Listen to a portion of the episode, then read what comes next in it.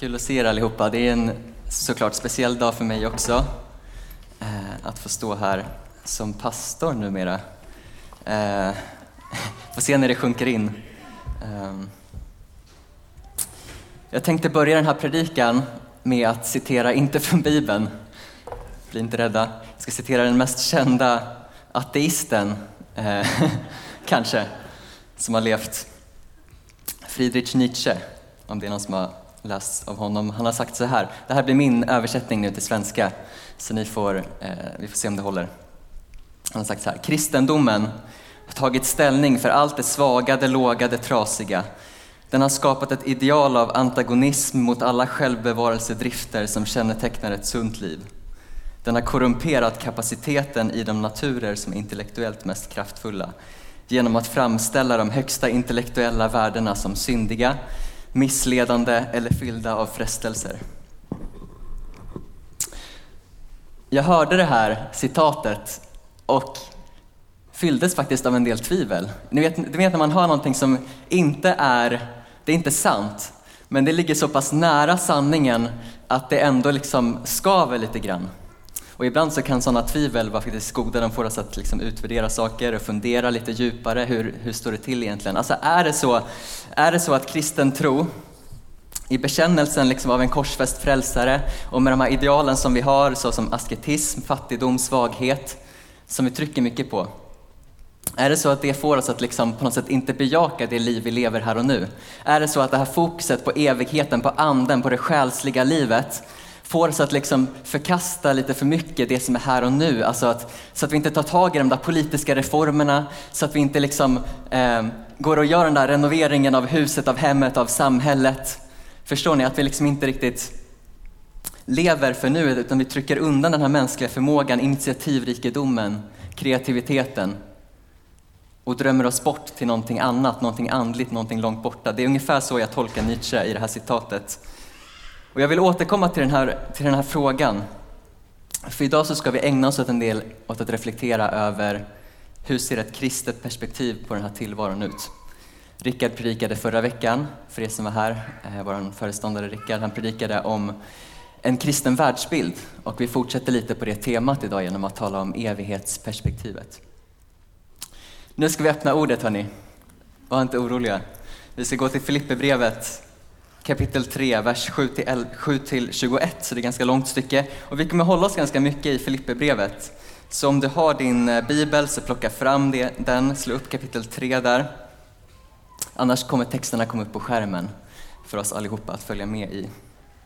Jag läser högt.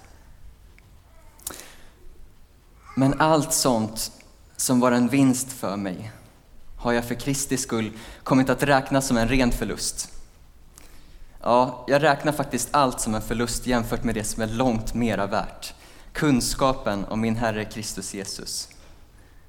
För hans skull har allt det andra förlorat sitt värde för mig. Jag kastar det på sophögen för att vinna Kristus och få leva i honom. Inte med den rättfärdighet som lagen ger, utan med den som kommer av tro på Kristus. Den rättfärdighet som Gud ger åt dem som tror. Jag vill lära känna Kristus och kraften från hans uppståndelse och dela hans lidanden genom att bli lik honom i en död som hans. Kanske jag då kan nå fram till uppståndelsen från de döda. Tro inte att jag redan har nått detta eller redan har blivit fullkomlig. Men jag gör allt för att gripa det när nu Kristus Jesus har fått mig i sitt grepp.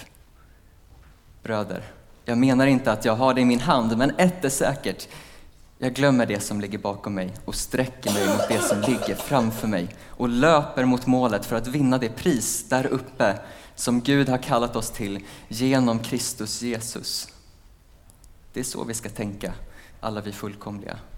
Och har ni en annan mening på någon punkt ska Gud upplysa er även där. Men låt oss fortsätta på den väg som fört oss hit. Ta mig till föredöme allesammans och se på dem som lever efter det exempel vi har gett er. Många, jag har ofta sagt det och säger det nu med tårar, många är fiender till Kristi kors. De lever så att de slutar i fördärvet. Deras Gud är buken och sin ära får de genom könet. dessa som bara tänker på det jordiska. Men vårt hemland är himlen. Och därifrån väntar vi också den som ska rädda oss, Herren Jesus Kristus. Han ska förvandla den kropp vi har i vår ringhet så att den blir lik den kropp han har i sin härlighet. Ty han har kraft att lägga allting under sig. Tack Herre för att du andas på ditt ord Herre.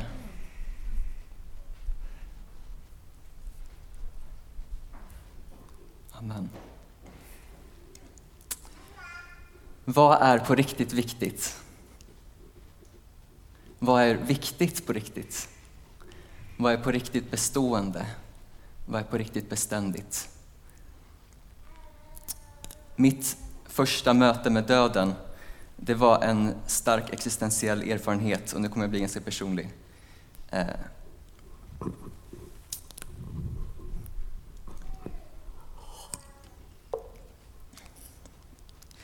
Det var någon gång efter midnatt jag vet inte varför jag blev så känslosam, men det är eh, den 8 januari 2018 så sprang jag den korta sträckan mellan eh, min mosters hem och min mammas hem där jag bodde. Det var en stjärnklar natt, kommer jag ihåg. Jag blickade upp mot himlen och det var som att den där stjärnhimlen aldrig hade varit närmare jorden än just då. Och Guds närvaro som vilat så starkt över mig den senaste timmen med Guds frid, med Guds barmhärtighet, hans mildhet. Så tröstande och betryggande, så mäktigt stort. Och jag tror att mina tårar den där natten bad en ordlös bön till himlens Gud. En bön som jag hoppas har följt mig efter det. Gud, hjälp mig leva för evigheten. Gud, hjälp mig se att varje dag är en gåva av nåd. Herre, låt mig aldrig igen bli så befäst, bli så befäst vid det jag ser, att jag glömmer det jag inte kan ta på. Låt mig leva med huvudet i himmelen och fötterna på jorden. För det var så som jag hade sett min kusin Einar leva, han som dog den där natten, 14 år ung, efter eh, nästan tre års kamp i cancer. Eh, och jag och vi, men framförallt hans närmsta familj såklart, som inte är här idag, de eh, gick ju särskilt nära honom i den här kampen, den här långa kampen mot cancern. Och jag vet att det är många här idag som har gått igenom liknande kamper. Eller just nu har jag fått höra går igenom liknande kamper.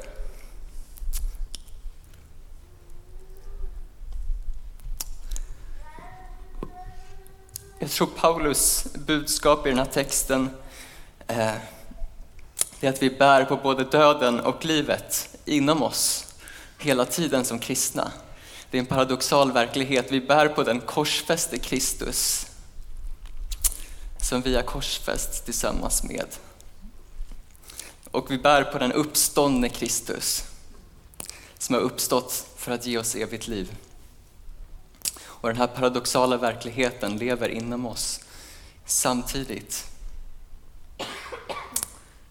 Och jag tror att det är flera av era eran erfarenhet, det är erfarenhet hos flera av er och hos mig att, och hos Einars familj att eh, Ibland är det lite mer av död och korsfästelse, ibland är det lite mer av uppståndelse och härlighet.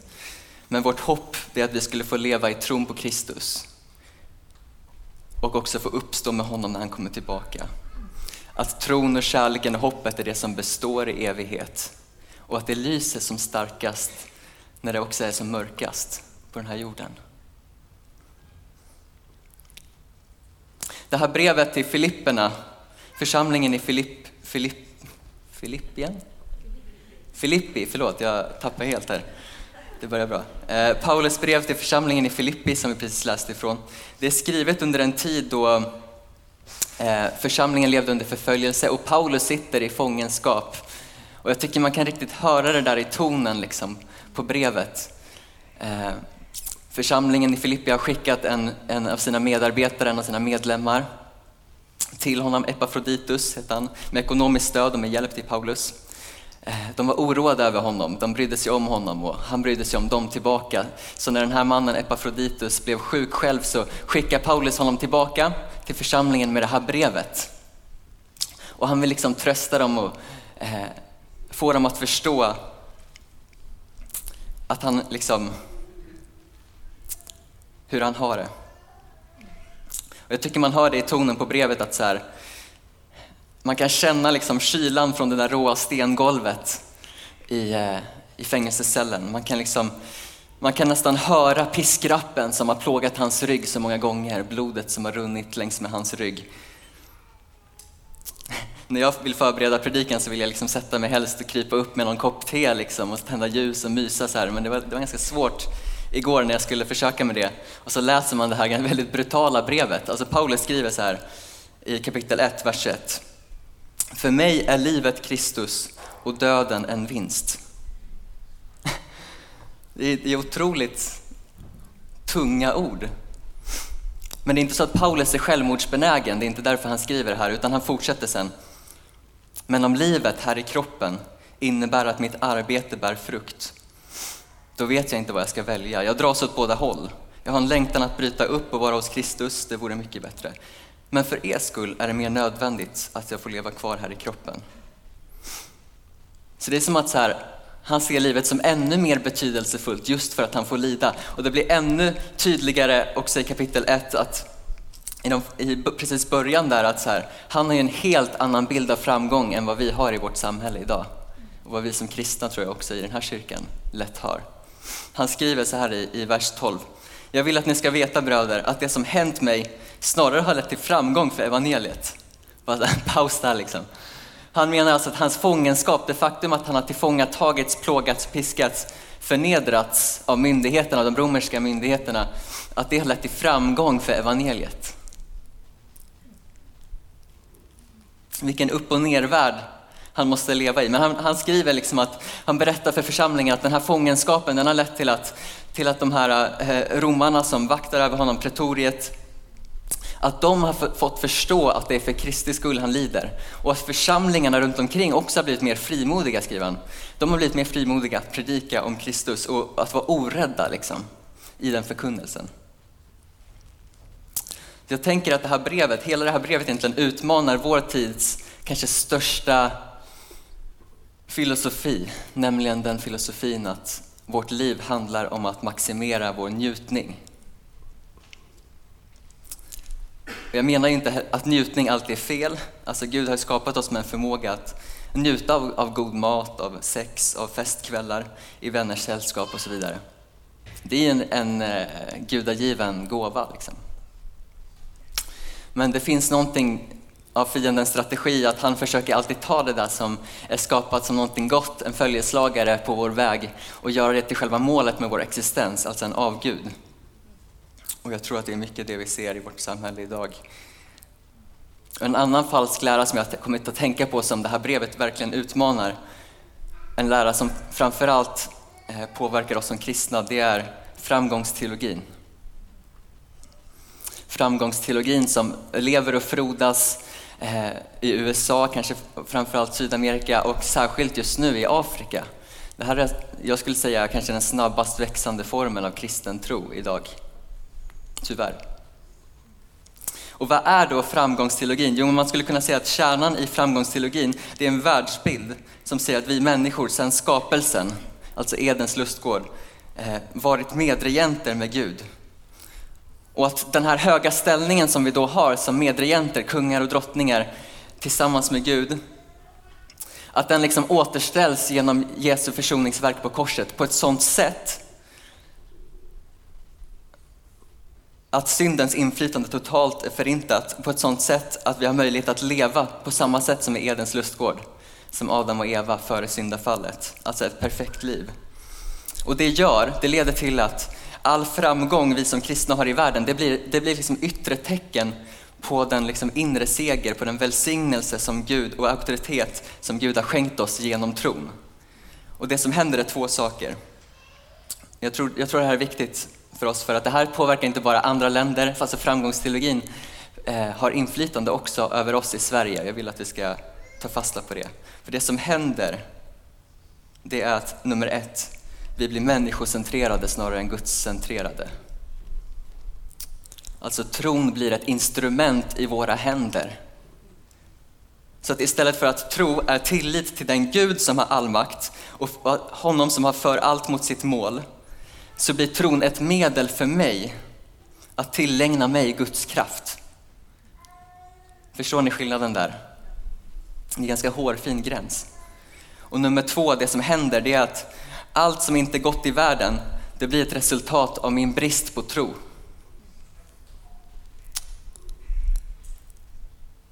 Och det som då händer det är att vi kan ha pastorer som kör runt med svindyra klockor i svindyra bilar, med svindyra kostymer. Den här är inte svindyr då.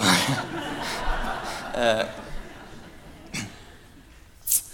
Och betjänar, betjänar ett folk som kanske knappt har mat på bordet alla gånger. Förstår ni hur vridet det har blivit? Och det här är en, jag går ganska hårt mot det här nu för att vi, jag tror att det här är eh, kyrk, kanske den moderna kyrkans största eh, fiende när man tänker läromässigt idag. Och vi behöver vara alerta mot det här. För i Filipperbrevet i kapitel 4, lyssna nu på, på vad Paulus skriver där från vers 12. Han skriver så här. Jag kan leva enkelt, jag kan också leva i överflöd. Med allt och med alla förhållanden är jag förtrogen. Att vara mätt och att vara hungrig, att ha överflöd och att lida brist. Allt förmår jag i honom som ger mig kraft. Den här sista versen, vers 13, allt förmår jag honom som ger mig kraft, det är kanske den mest citerade versen, eh, felciterade versen i kyrkan idag. Alltså man, det framgångsteologer har gjort är att man har ryckt ut den ur sitt sammanhang och sagt allt förmår jag honom som ger mig kraft. Så därför kan jag liksom be om, om framgång i alla livets skeenden och förvänta mig det. Men det Paulus faktiskt skriver det är att han ska ge mig kraft att också stå emot lidande, att också stå emot förföljelse, att vara hungrig, att lida brist. Är vi lika villiga att predika det? Allt förmår jag i honom som ger mig kraft. Med alla för, förhållanden är jag förtrogen, skriver Paulus.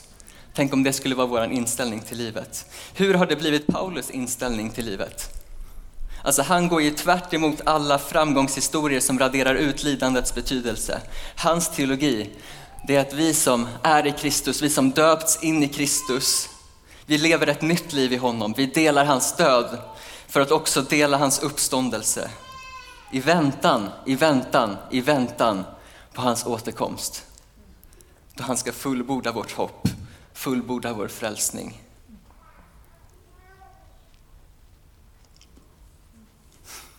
Alltså tänk dig själv, Paulus som förföljde de troende, han som mördade de första kristna, får ett radikalt möte med Jesus på vägen mot Damaskus. Och han börjar bekänna att den här gestalten, han är Herre, han är Messias, han är min frälsare, han är världens frälsare. Och nu handlar allt om honom. Som det står någonstans i texten vi läste, att så här, eh, han har fått blivit gripen av Kristus. Kristus har mig i sitt grepp. Och nu handlar allt om att föra fram de goda nyheterna om det verk som Gud för fram i världen genom Jesus Kristus, evangeliet. Och därför kan han skriva som i vers 7 i texten vi läste i början.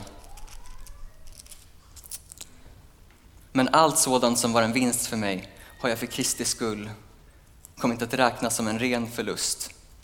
Ja, jag räknar faktiskt allt som en förlust jämfört med det som är långt mera värt. Kunskapen om min Herre Kristus Jesus. Och så går han vidare och talar om hur han liksom kastat det på sophögen Alltså det är en total liksom, omförhandling av vad som är viktigt i livet. De högsta värdena i livet. Inte bara en emotionell, ett emotionellt möte med Herren, utan det är också liksom intellektuellt att han har fått förändrade tankar, förvandlade tankar. Han har kommit att värdera saker annorlunda i mötet med Jesus. Så nu lägger han inte längre sitt värde i sin status, sin status som judisk lärare. Han lägger inte längre sitt värde i sina goda religiösa meriter han lägger inte längre sitt värde i sin höga och privilegierade ställning i samhället. Han lägger inte längre sitt värde kanske också i pengar som han hade haft eller i, i sin makt som han hade haft. Istället säger han att han räknar det här som skräp för att få vinna Kristus. Och den, den korsfäste Kristus, den uppståndne Kristus. Vilka starka ord.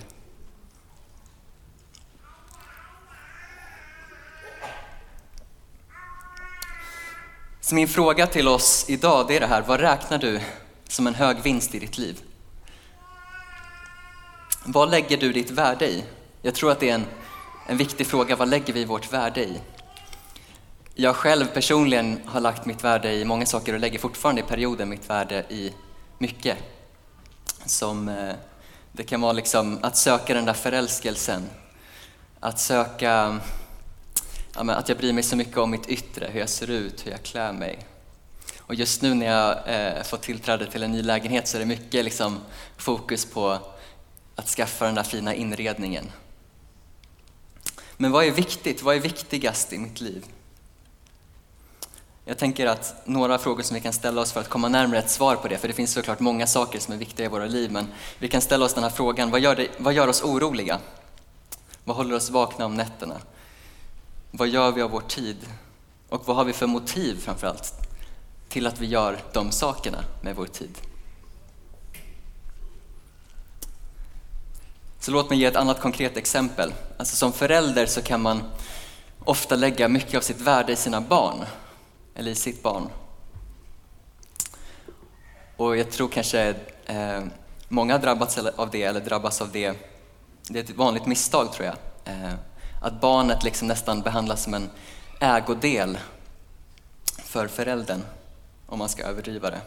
Så att liksom istället för att vara nyfiken på den här människan som, som Gud har format till någonting unikt med egna drömmar och förhoppningar och eh, gåvor, så försöker jag passa in det här barnet i min snäva mall av förväntningar och krav som jag har. Kanske omedvetet också. Så jag vill liksom vinna framgång genom mitt barn i skolan, genom mitt barns prestationer, eh, genom åstadkommanden socialt, genom idrottslaget och så vidare. Man lever genom sina barn. Och det är det som är grejen, alltså, för vi förstår ju att, att det här leder till bundenhet för båda parter. Liksom. Och det är det som är grejen med eh, alla de substitut som vi liksom ersätter Gud med Guds rike med det som vi använder för att ge oss lycka, som vi tror ska hjälpa oss nå den där drömmen, det blir en falsk frihet. Liksom, de där nätterna på krogen, det kanske ger en, en kort kick, liksom. men det är, inte, det är inte evigt. Eh.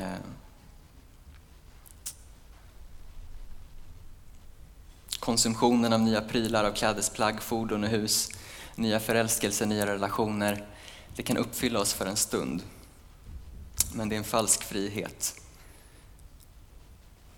Paulus hade kommit till insikt genom mötet med Jesus på vägen till Damaskus att hans tidigare religiösa karriär inte hade kunnat ge honom den rättfärdighet som han trodde att han ägde. Så mötet med Jesus rör om i vår prioriteringsordning. Vi får ett förändrat syfte, ett förändrat mål, ett nytt mål. Och då skriver Paulus här från vers 12 i texten som vi läste i början, kapitel 3. Kapitel 3, vers 12. Tro inte att jag redan har nått detta eller redan har blivit fullkomlig. Men jag gör allt för att gripa det när nu Kristus Jesus har fått mig i sitt grepp.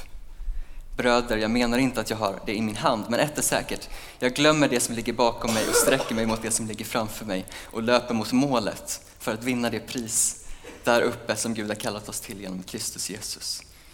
Och vers 20 skriver han, vårt hemland är himlen och därifrån väntar vi också den som ska rädda oss, Herren Jesus Kristus. Alltså Paulus lever med den här övertygelsen om att vi har vårt hemland någon annanstans.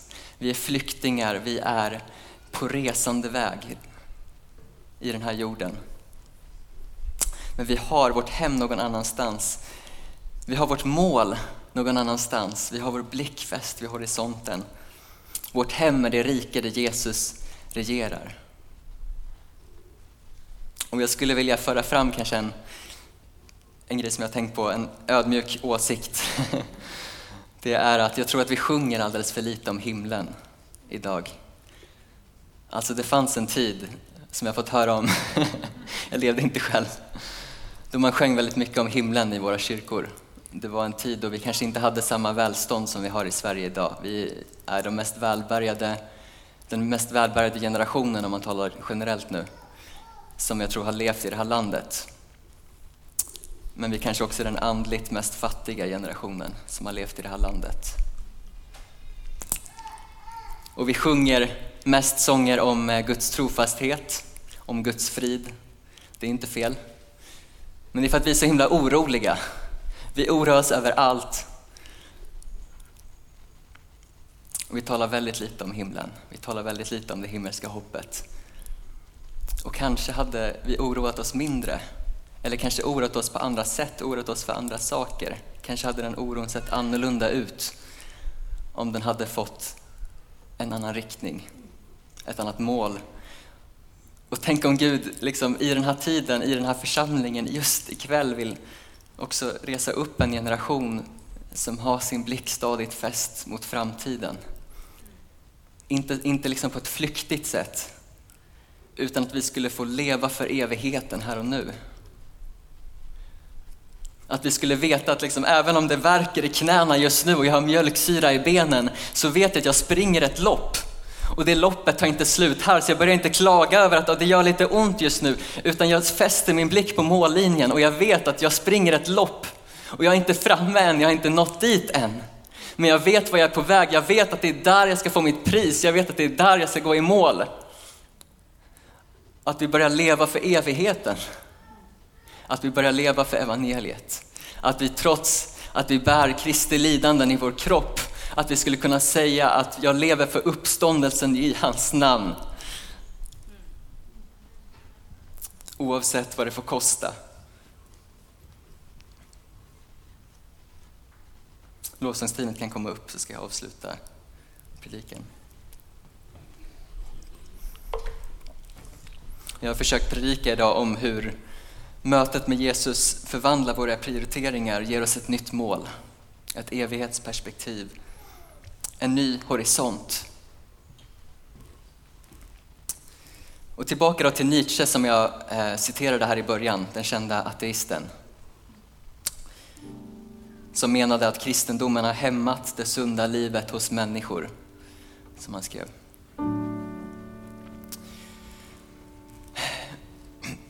Jag skulle vilja påstå att, att den kristna tron, det himmelska perspektivet, inte alls handlar om, det handlar inte om en förnekelse av det jordiska livet. Läs bara den där sista versen i stycket som jag predikat över, vers 21. Han ska förvandla vår bräckliga kropp och göra den lik hans härlighetskropp, för han har makt att lägga allt under sig. Alltså det kristna hoppet har kropp. Det kristna evighetshoppet har, har kropp. När Jesus uppstår ifrån de döda så uppstår han inte till någon slags högre, liksom flummig andlig existens, abstrakt. Han uppstår i köttet. Alltså, det faktum att Gud väljer att bli människa, att inkarneras i kött och blod, det visar ju på hur mycket Gud bryr sig om det här livet. Det här livet som vi lever just nu i våra kroppar. Han, han förnekar inte den mänskliga erfarenheten. Tvärtom så tar han den i sin hand. Han omfamnar den i all sin brustenhet, i all sin plåga, i allt det lidande som den här världen också bär på. Men han blundar inte för det, utan det är en ärlig bekännelse som vi har som kristna. vi kan ärligt bekänna oss och ha liv genom den Gud som omfamnar både död och liv för att föra oss mot fullkomnande. Men det fullkomnandet sker inte utan lidande. Det finns inget liv utan korset och det är därför Paulus går så hårt mot de som säger, de som har gjort korset till deras fiende, de som har gjort buken till sin Gud. För det finns ingen uppståndelse utan att också bekänna sig till den korsdöd som Jesus har gått igenom för vår skull.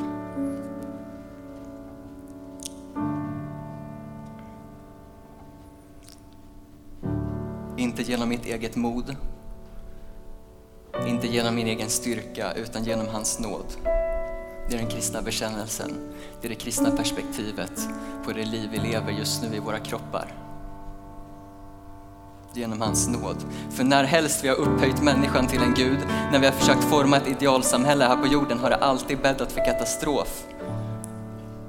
Men Guds önskan för oss, det är inte ett mindre liv. Det är inte ett, ett liv som är för mindre än det vi kan hitta i världen, utan det är ett liv som är mer. Ett liv fullt av, av kreativitet, ett liv fullt av framsteg. Vi ska också regera tillsammans med honom. Det är ett liv i gemenskap med honom. Men vi väntar på den fullbordan. Och det är en tillvaro som inte existerar utan honom. Ännu väntar vi på att Guds stad ska sänkas ner från himlen till jorden. Vi väntar på det nya Jerusalem. Vi väntar på att Lammets tron ska stå i mitten. och Han ska tillbes av alla folk, av alla generationer, av alla stammar och alla språk. Lammet av Judas stam. Och det är min övertygelse, precis som Paulus skriver, att vi kan i vår otåliga väntan på uppfyllelsen av vårt hopp, redan här och nu kan våra liv i kroppen få bära evangelium. Redan här och nu så kan våra liv få vittna om honom, både i vårt lidande och i våra framsteg. Och därför kan jag också med stor tro säga att jag vet att min kusin Einars 14-åriga liv, 14-åriga liv har burit mer frukt än många 95-åringars liv. För att han var villig att också låta Jesu kraft lysa i hans svaghet.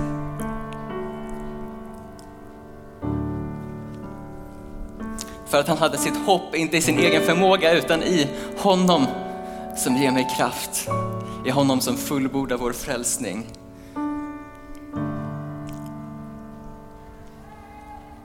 Sitt mål, sin frid fäst i honom. Det är evighetsperspektivet som vi lever i. Vi ska gå in i en förbönstund tillsammans och vi kommer gå in i, i nattvarden alldeles strax och fortsätta lovsjunga tillsammans. Jag vill skicka med dig ett sista ord ifrån Lukas kapitel 12, vers 32. När jag bad igår så upplevde jag att Gud talade det här till mig. Han sa, var inte rädd du lilla jord, för er fader har beslutat att ge er riket. Var inte rädd du lilla jord, för er fader har beslutat att ge er riket. Tänk om vi skulle få syn på riket, om vi skulle få fästa blicken på det rike som han har erövrat åt oss.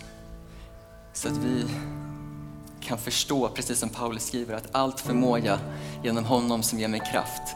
Inte genom min egen kraft. Så när du känner, du kanske kommer hit idag och känner att liksom, du har brunnit slut på alla ändar i ditt liv.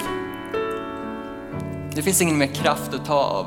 Då ber jag att du skulle få lyfta din blick, att du skulle få se längre. Inte för att han förminskar din situation, att han ser ner på din situation, men att han ser längre. Att han ser djupare. Att han har ett bredare perspektiv. Det finns en kraft som inte är din egen.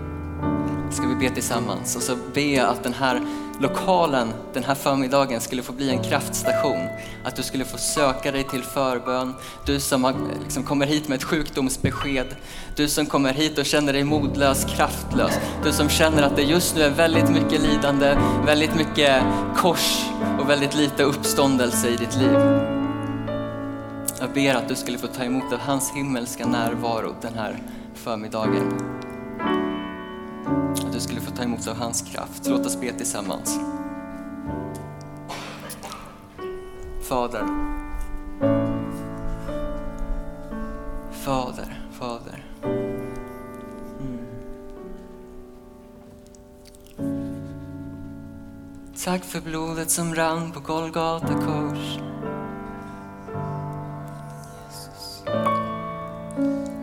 Tack för uppståndelsen i ditt namn. Tack för frälsningen som du vann.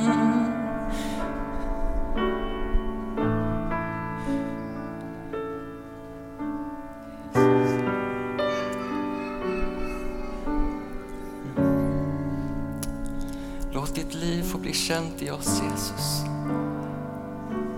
i all sin fullhet. Låt ditt liv få bli känt i oss Jesus och genom oss. Tackar dig för att du aldrig lämnar oss. Håller alltid din hand. Du håller alltid din hand som du lovat Jesus. Se din ljuvlighet ikväll, idag Jesus. Vi vill se ditt ansikte, se in i dina ögon Påminn oss om dina löften för oss, dina barn. Att du har lovat oss riket, att du har lovat oss härligheten, att du har lovat oss äran. Hjälp oss att se målsnöret, hjälp oss att se horisonten, Herre Jesus. Fyll oss med tro, inte en tro som vi äger, inte en förmåga som vi äger, utan en, en tillit till dig, du som har allting i din hand, du som kommer fullborda vårt lopp. Det som du har påbörjat kommer också fullborda som du skrivit i Filipperna, Herre. Jag tackar dig för det, mitt i lidande, Herre Jesus. Jag tackar dig för att du kommer fullborda vårt lopp, Herre Jesus. Vårt liv ska få bära ditt namn. Vårt liv ska få bära ditt namn, Jesus.